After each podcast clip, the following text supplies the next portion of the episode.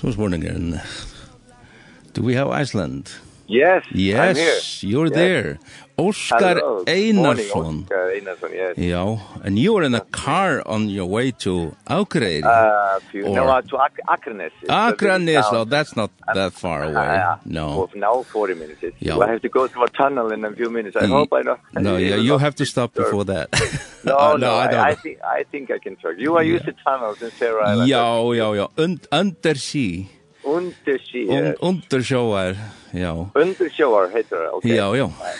But but you will you will try you'll you'll try it out because you will be yes. coming here in the I know. To, in two two weeks. two weeks. Yeah. Two weeks. We are counting the days down now. Yeah, yeah.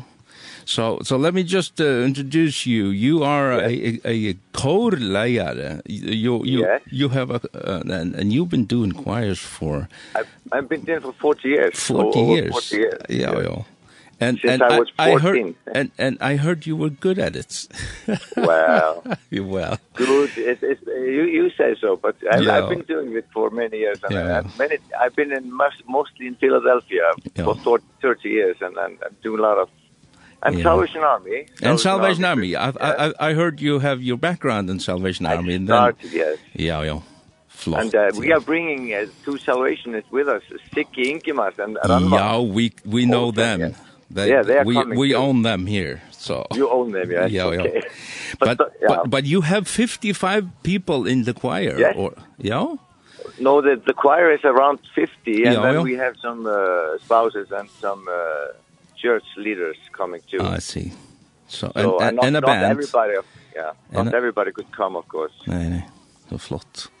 So it's going to be a great, great big sound. Yeah. So uh, and and um, it's called Kor Lindakirke. Kor Lindakirke. Yeah. A state church no. uh, with uh, but we do mostly gospel music and mostly worship like uh, we do in uh, like uh, and our churches. We do like more gospel mm -hmm. upbeat songs. Yeah, we, uh, I have Andrew Crouch right there. Yeah, we, you do, do stuff like that. we are we are doing Andrew Crouch tribute in just oh. two weeks after after we leave Faroe Island. So I we'll love sing it. for you some Andrew Crouch. Yeah, yeah, yeah. Yeah, yeah. I love Andrew Crouch. Actually, I went to his funeral. So I, Did you? I when I was a good friend of him. Yeah, yeah. Actually, I went to see his see him two times in yeah. LA flott. Ja, ja. Yeah, yeah.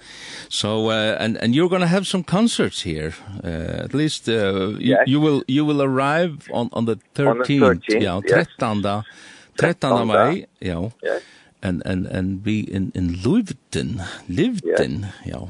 Leuven. Yeah, and going to have a concert there at, and yeah. that will be at 8 o'clock yes. that Friday I, night. I'm so we are so excited because I'm I've heard so much about this new church and yeah. about fair you know I know you are good uh, I would just say áhærvendur uh, you you you you meet your audience. Ja ja ja ja I've been we, I've been there two times before and it was a full house you know with the flott. with the Salvation Army band. Ja. Ja ja. So I know you're going to meet up. Yeah, yeah, uh, and and uh, we had uh, some co uh, concert there this weekend, and and uh, people yeah. showed up, and and it's yeah, very good, good, and we enjoyed ourselves. So, and actually, we are really happy about 50 people. I mean, we are not coming oh. just to sing. We are we are doing this for ourselves oh. also. You are way too good for 50 people, as far as I know. Yeah, yeah, yeah, but we are we've been to uh, Sweden and the Poland and Denmark but never to Faroe Islands. Yeah, closest by but Rosa flott, yeah. You were planning actually for for for 2 years ago to come but but yes, this this had... this corona it, it, it spawned uh, yes. that. Yeah, we tried 3 times to come oh, actually. And yeah. it was we tried 2 years ago, we tried also the autumn and then we tried no, the, the the autumn and yeah. then we tried last year. Yeah. And everything was cancelled. Yeah, yeah but uh, now hopefully now, you'll yes. succeed. Yeah, we'll pray for that at least. We are doing a lot of uh, we have a band with us, you know, a very good band. Actually, some of them have been to Faroe Islands playing with Gig, the Yo. band. Oh. Ja, ja. Ja, ja, my good friend. Ja, ja. So, yeah, you yeah. will know a lot of you will know a lot of people there. Oh, that's good. They were very good. They came here yeah. and, and played for us gig, yeah. know. And I'm also working on getting a good friend of mine also to hop in because there were two people that had to postpone or they can't come and mm -hmm. Might come also. Nay. Han er rosa god. Probably one of the best singers in Iceland yeah. and he is, he's thinking about it maybe to come. Oh, that would so be I, awesome. I will, I will let you know, yes. Yeah, Pat Rosenkrantz, he, he is, is pretty well known here in Faroes as I well. I know, I know, he told, he told me. Ja, ja. And we've been we we've done concert with uh, Christina Byringsen. He, yeah, he's been yeah. singing with us also. Yeah. Both in Philadelphia and, and Linda Kirke. So. Flott. So yeah, yeah, you could bring her as well. no, she'll probably be here. I think she has a little baby now. Oh yeah, yeah, yeah. Or actually, yeah. or or is, is having right now yeah, this yeah. these days. Yes. Flott, ja. And and uh, when when you come here, what will we what will you sing? What what uh, what? We will uh, yeah. do mostly in English, but we'll do some Icelandic uh, our own songs. You know, we're gonna let you hear some of our own compositions. Mm -hmm. But we'll do a lot of underground and uh, famous gospel, uh, you know, big big gospel songs. Yeah. Like you probably know Total Grace and Oh, they they are. And Don't awesome. Cry, Kirk Franklin and yeah. also we do some worship songs and mm -hmm. if people like to sing with us, we will probably set up some Oh Happy Day, you yeah. know, typical songs. So that's that's the style, gospel style. Yeah, this is, yeah. yeah, this is going to be gospel and uh, it's going to be fun to watch. Yeah. I I promise you. Yeah. That's awesome. Yeah. That's that's nice. Yeah. And and then uh, then uh, you plan on staying here until you know over the weekend. On Monday, yes. Yeah. And and, and uh, we are singing house also on Sunday in two churches oh, I heard. Nice. And, uh, we have good help in Fair Island. They are so helpful and they're going to I think we're going to sing in Keldan. Keldan, yeah. Um, Keldan is going to be. Yeah. Yes, and then on yeah. in Clacks Clackswick. Yeah. On Sunday K afternoon. KFUM. Yeah. KFUM. Yeah flott. And that, I be very excited yeah, to go there. So I've never been to Klaksvik. I've just been to to Thorshavn to yeah, yeah. Thorshavn two times. We'll, we'll we'll show you a little bit more, a little bit more than that. Definitely. Actually, no, three three times. Sorry, I came also four years ago with uh, Kirk uh, with uh, Franklin Graham. Franklin Graham, yeah. yeah I remember. So, I, I heard. I heard you in in, in the sports hall. Yeah, we yeah. sung with uh, with the Reykjavik Gospel Company. We did yeah. a uh, a little concert before uh, Michael W. Smith. Yeah, yeah. Came on stage. That was a, that was awesome. It was so flott, yeah. And after that, we were invited to go to Alabama in uh, USA the oh. same year. So. That's, that's flott. uh, yeah. Flott, flott. That's good. So so uh, let's take sun I want to hear about, more about Sunday night. You know, yes. you have something on Sunday night in Klaksvik. In Klaksvik. Yeah, yes. Yeah. I've, yes. And yeah. we're going to do I I I'm not sure how many songs we'll do. I not I don't think it's a whole concert. It's like three four songs. Yeah. It's probably so a, a, part of of of a yeah, service. Part of the service. Yeah. Yeah. Yeah. yeah. yeah. And that's just great. I mean, we are happy with every song we can yeah. sing. Yeah, yeah. But but if people want to have the the whole package, they they have to meet up, show up at Friday night. Liveden, yeah. At Liveden, definitely. I, I think so. It's so short. Every dis all the distance. I mean, yeah. how how far is it from Klaksvik? Yeah, for example? it it takes like 40 minutes. Yeah, the yeah, same so, as me now. I'm yeah. driving 40 minutes to the next town. Yeah. Yeah. Yeah, it's it's it's you know since we got those undersea tunnels it's it's it's it's so short wow. that uh, Great, yeah, yes. yeah it's nice. And, and I think uh, I think it's a good uh, good night because the uh, Saturday night is the Eurovision Song Contest no. and everybody is going to watch that probably. Maybe. Yeah, so, at least if uh, you're maybe. if you're Icelander. Now, okay. it's an Icelandic you are not, thing. Are you not watching in Fair Island? No, yeah, not that much. Oh, okay. No. Okay. Now, may, maybe some do.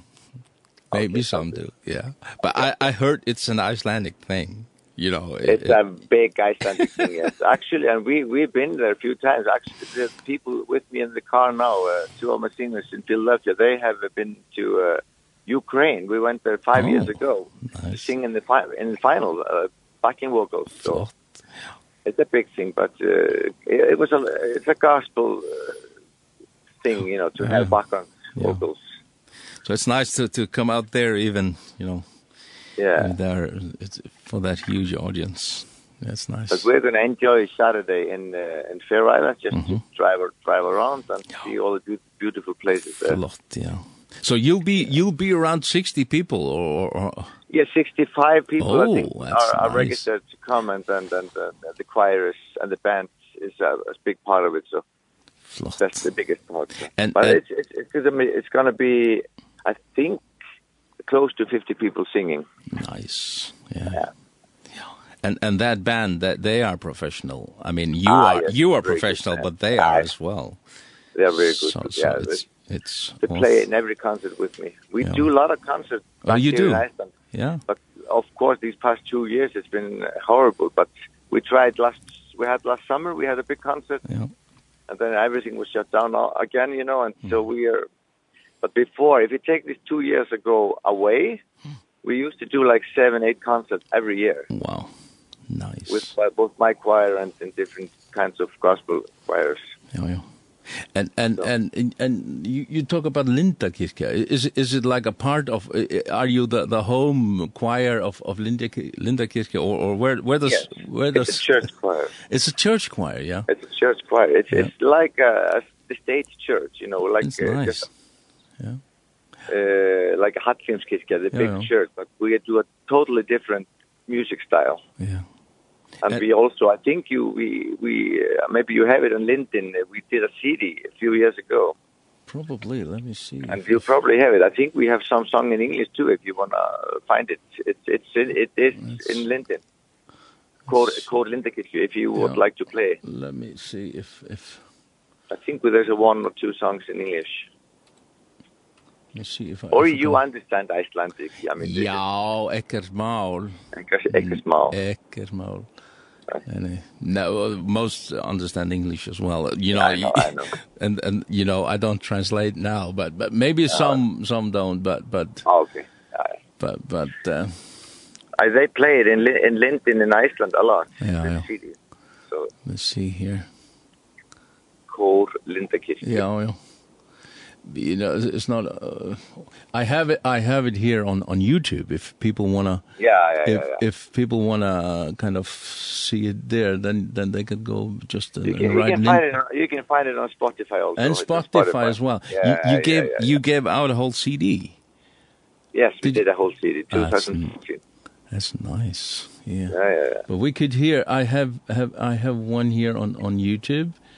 That's called lending dir did is shig you. Know? Yes. That's, that's yeah. Great, good good run. Yes. And and and you and you you write song yourselves and and and it's it's not just I wrote four yeah it's we all the songs are written by our by our members so it's, yeah. everything is our songs competitions so yeah. yeah yeah the pre the priest uh, also did two songs uh, wow. our priest he's yeah. coming too yeah But uh, yeah, now, yeah. I've been now we've been talking so long that that you yeah. uh, did you come through the the undersea tunnel? I'm I'm close. I'm I'm close to the town. We are singing oh. in the, the funeral in, in few minutes so I'm oh, close yeah. by. Uh, yeah, yeah. So let's just say that that um, yeah. I just want to thank you for for the conversation and and so great, I'm looking so forward great. to seeing you here. Definitely yeah, in two weeks. Too. Yeah. I hope to see us so many Faroe Islands. Yeah, yeah. We'll be sold out. yeah. Yeah, yeah. Well, sold great, out great. is like 1000, but but oh, let's say okay. half. it's it's How a, many people live in uh, Tos Tosan? Yeah, in Tosan is, we are like 22,000 people. Ah, yeah, but yeah, that's but enough. people that's come enough. from everywhere. they come from Klaksvik and and and I look forward to this. Yeah. Yeah, yeah. So, I look Yeah. Very very good. Let Yeah. I'll see you, I'll see you in two weeks, honey. See you in two weeks, uh, and, and we, we definitely look forward to, to uh, that. Same here, same here. Thank you. Thank you okay, very thank much. You. Tack, Oskar. Bye, Tack. bye. Bye. Ja, Oskar Einarsson var her ur en billig avvis til Akranes at uh, ja, og det, det som det snur seg om det er at uh, Kåre Linda kommer til til farjar, og vi halte til at vi får prøve vidt, og vi klarer å spille et lev i vi timen her, og um, det, som, det som er sérstakt vi, vi kår Linda Kirskru til, er at det er nok snakk folk. Eh, en jeg halte folk som synes og, og, og store bølger som spiller, men vi får prøve å vite om uh, vi klarer at lusta etter en lei her. Dyr skje gudi. Dyr skje gudi. Hýrsi sininu Á himni sem á jörðu Að eilifu Um aldir alda Dýr sé andanu Föður vor á himni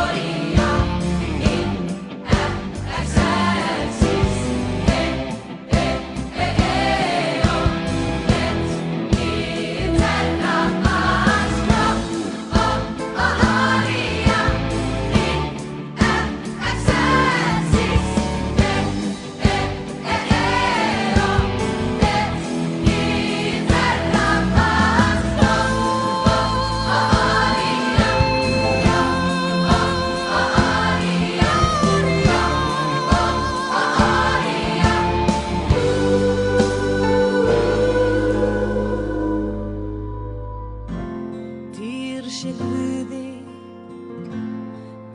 sé sininu, á himni sem á jörðu, að eilífu Kór Lindar Kirkja er det, det som vi høyre her. De kommer til farger om uh, tverviger, 13. 13. mai så blir det konsert i Løvdene.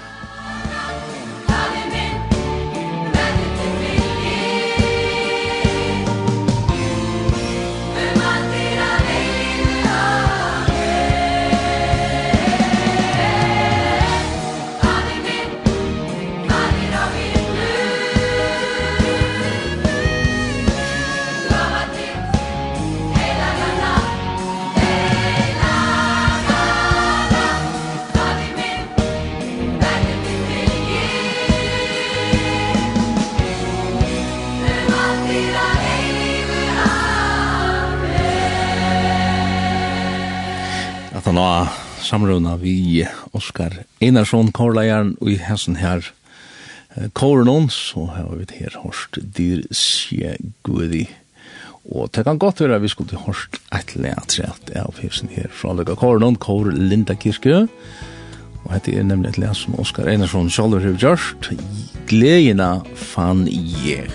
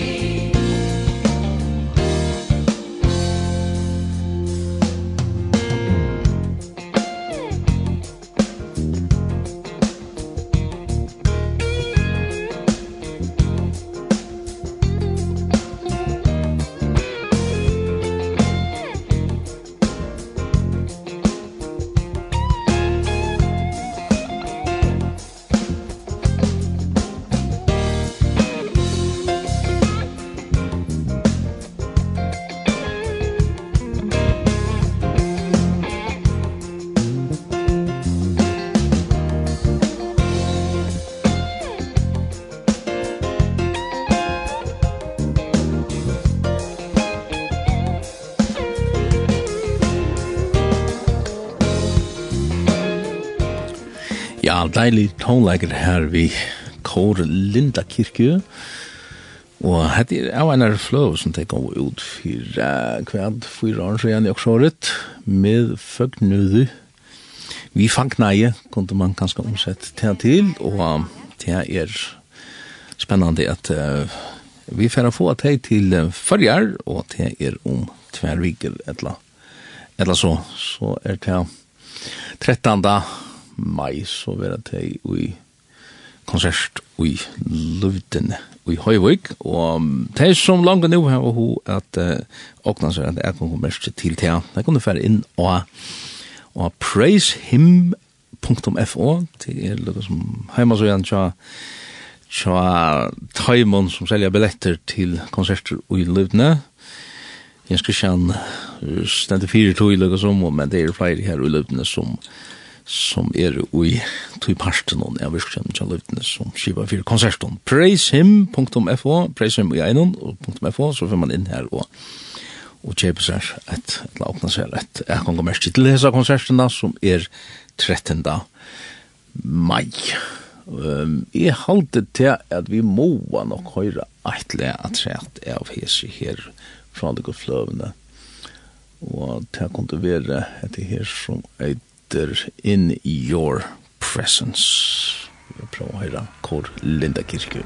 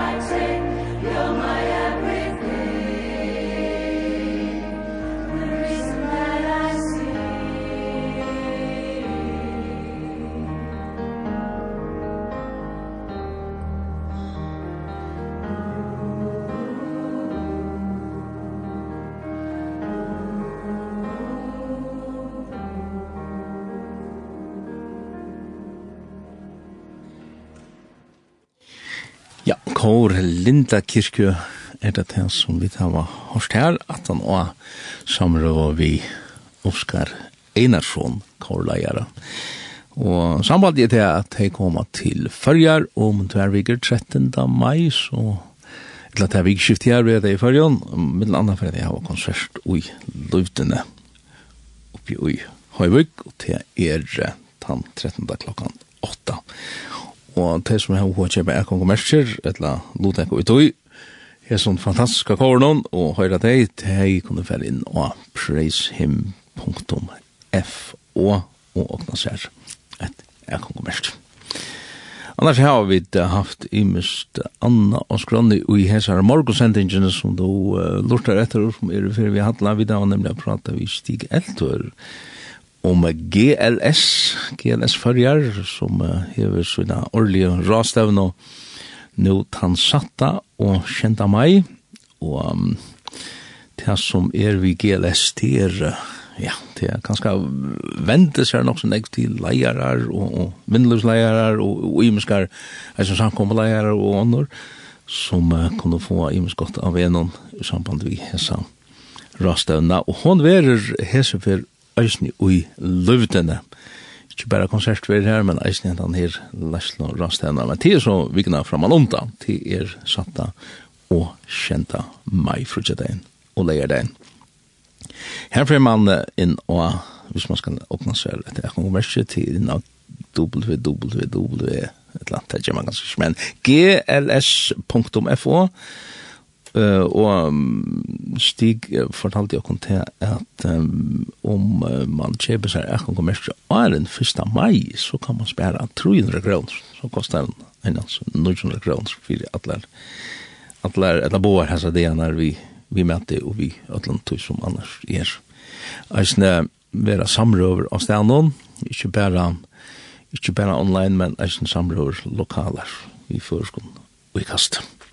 Så at det her er bare at halda seg til GLS. Men så har vi det eisen hørt om et annet tiltak, og tid er langt i hæsson vigeskift nå, og tid er, uh, vi kunne kalla det for uh, at det her var det laknar utan landamørsk, men det her er missionerar utan landamørsk, tan fellesskapen som kipa fyrir enn stålstiltakje, og til å være så i uh, City Church, nå sunnekvalite, her og ein konsert verer, og ta Det er um, danskir lotekarer og nok så, ja, ikke, man kan si at det er sinde kjent i fargen, nemlig at um, Matthews systran der der som, um, de som minnast til Creamy, en av uh, fyrir, jeg vet ikke, 2015 år, så gjerne at, at en, en fører som sang vi i og, og her er det her systrene som, som eisen sang vi det, ta over der lukka som badnaskjøtner, nå, nå er det blir vaksen, og, og slipper synsja, og de synsja solmar, for det meste menn på en, en, en nødgjær mat. Så det er så sånne kvalitet, og, og, og i sitt church, og det kostar ikke å slippe inn, man møter bare opp, men man har mulighet til at du har mølaga at stola av stenen i stedet for. Og til er tvær mulighet til det, anten sånne kvalitet, etla har man hoa færa i til skalavikar, og i skolan her, tannutja, skolan som etla depelen her i, i Skalavik, så kan man ta, og det er så tusk kvalitet, at det er Ja, hatt det er det som vi tatt hadde i hessar her morgonsendingene hessfer, og jeg fer jeg bare sier tusen takk for at tid vil da lusta, og jeg halde til at det passer seg vel at teka et leatrett vi kår Linda Kirke og teverer det seneste som vi får høre det er to som flyter fjöll og det er et le som de eisen sjálf heva skriva sånn til. Um, og vi har sånn læren her, Kåre Linda Kirsten, tusen flyter fjøll, uh, så får jeg si tusen takk for det, at tid vil lufta. Takk.